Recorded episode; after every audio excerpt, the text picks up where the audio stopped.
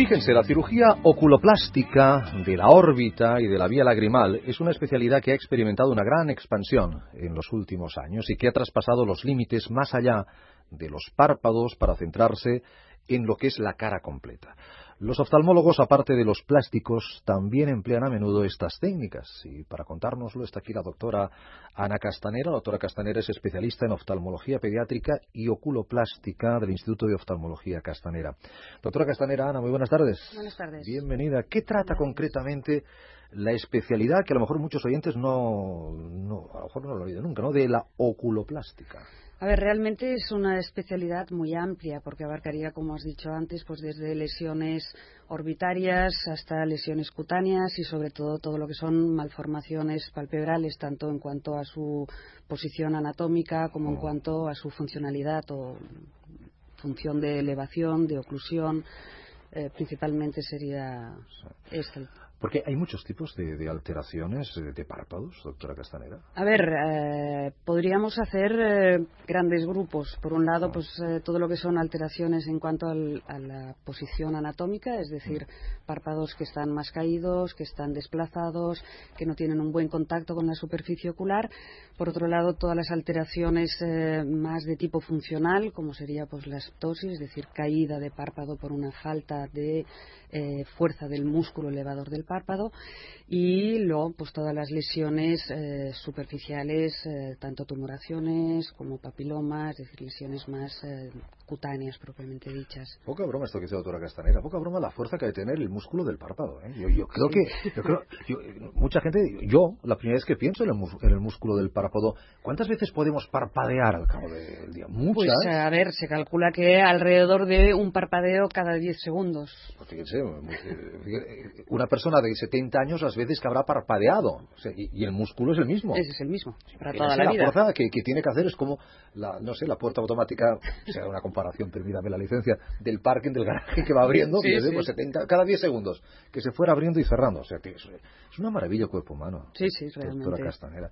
Eh, el hecho de que usted sea oftalmóloga pediátrica eh, también es interesante porque estos problemas habitualmente ya son congénitos o, se producen en los primeros años de vida. A ver, eh, claro, hay problemas congénitos, sobre todo pues la ptosis palpebral, es decir, la falta de función del músculo elevador del párpado y bueno, malformaciones de la abertura palpebral en niños, lógicamente, son congénitas, se detectan ya en el nacimiento y son patologías potencialmente muy graves, porque un párpado caído pues va a provocar una falta de desarrollo de visión en el niño si no se trata precozmente.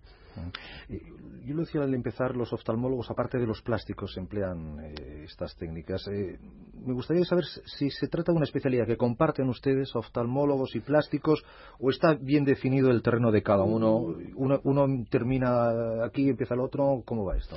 Claro, no siempre está bien definido el límite, es decir, lo que sería patología orbitaria. Exacto, en patología orbitaria quizás sí que está mucho más eh, delimitado, pero todo lo que sería mm, cirugía palpebral, pues ahí ya el límite se desdibuja bastante. ¿eh?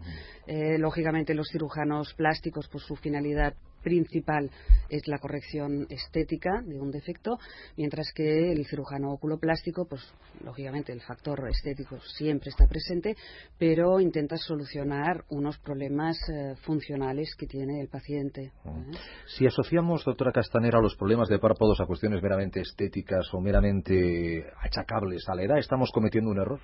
En principio no, en principio no, porque ya digo, la estética siempre existe en este tipo de problema y lógicamente el factor edad es un factor muy importante, porque no nos olvidemos que eh, la edad conlleva pues un deterioro de la flexibilidad de la piel, una, exacto, el agotamiento de tanto parpadeo y lógicamente la piel se vuelve más laxa, entonces esto favorece pues eh, que el párpado pierda su posición, que caiga favorece esta laxitud que la grasa orbitaria tenga tendencia a herniarse, que serían las eh, famosas bolsas en los párpados inferiores, y todo esto. ¿Las bolsas son hernias? Son, puede haber un componente eso se llama blefaroplastia, ¿no? Le llaman la blefaroplastia. que eso es la cirugía. Exacto, de, la cirugía las, ojeras. ¿no? Que corrige tanto las ojeras como el exceso de piel en los párpados superiores. Esos son hernias, claro, son bultos. Exacto. Eso, Entonces... no tiras sin saber una cosa más aquí con la doctora Ana Castanera. Estoy pensando en aquel que dice, ¿qué caída de ojos tiene? ¿Qué caída? A, lo, mejor Habrá que poner remedio. A lo, mejor hay que poner remedio a, esa caída de ojos. Doctora Castanera, hace un par de semanas, hace unos 15 días aproximadamente, tuvimos aquí a la doctora Alicia Serra, también del Instituto Castanera, buenas amigas, y nos decía que como mucho entre los 3 4 años de edad, todos los niños deberían haberse realizado una revisión oftalmológica para, para ver cómo está el niño y para eliminar, por supuesto, problemas del ojo, de la ambliopía, que recuerdo que hablábamos del ojo vago, el ojo gandul, pero bueno, y si el niño estaba bien, pues para, al menos para que lo viera un oftalmólogo. Los niños también pueden tener estos problemas que ahora referíamos, ¿eh? como usted me comentaba hace unos minutos. ¿eh? Lo que pasa que en caso de los niños normalmente es patología ya eh, congénita, que ya se descubre en el nacimiento y que la urgencia en el tratamiento pues va a depender del riesgo de deterioro visual que nos vaya a dar esta patología. ¿La solución es la quirúrgica?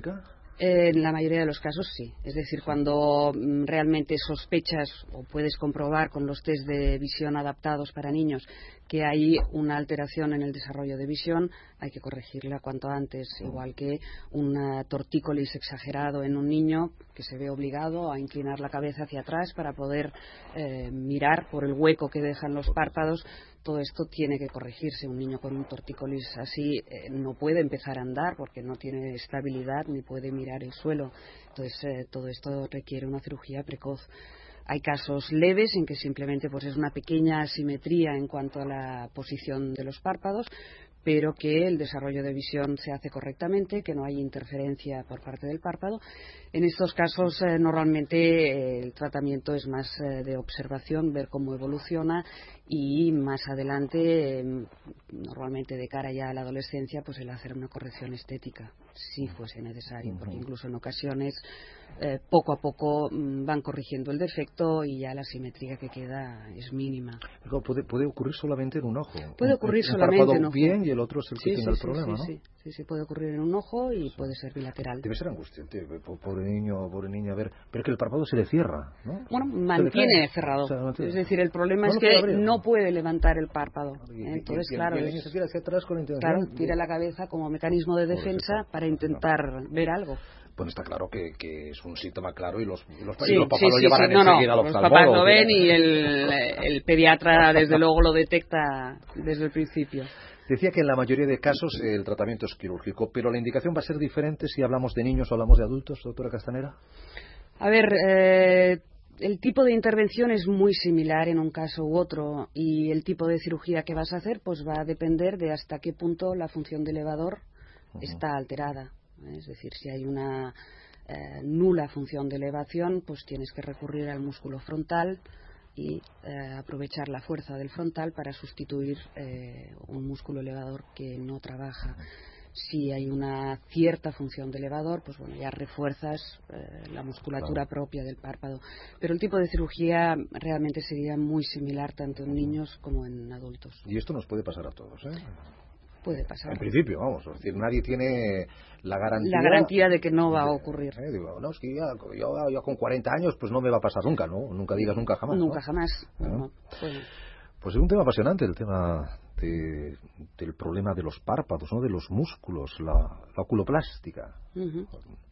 Pues hay un teléfono, ya saben, Instituto Castanera, que tiene una página web también, www.institutocastanera, todo junto, institutocastanera.com, está en la Vía Augusta 2022 y el teléfono de contacto es el 93-217-3704. Repito, voy a llamar ahora, mañana, cualquier día laborable. 93-217-3704 para este tema, para cualquier tema relacionado con la salud de sus ojos. Doctora Ana Castanera, especialista en oftalmología pediátrica y oculoplástica del Instituto de Oftalmología Castanera. Gracias. Gracias y hasta pronto, doctora Castanera. Hasta Buenas tardes.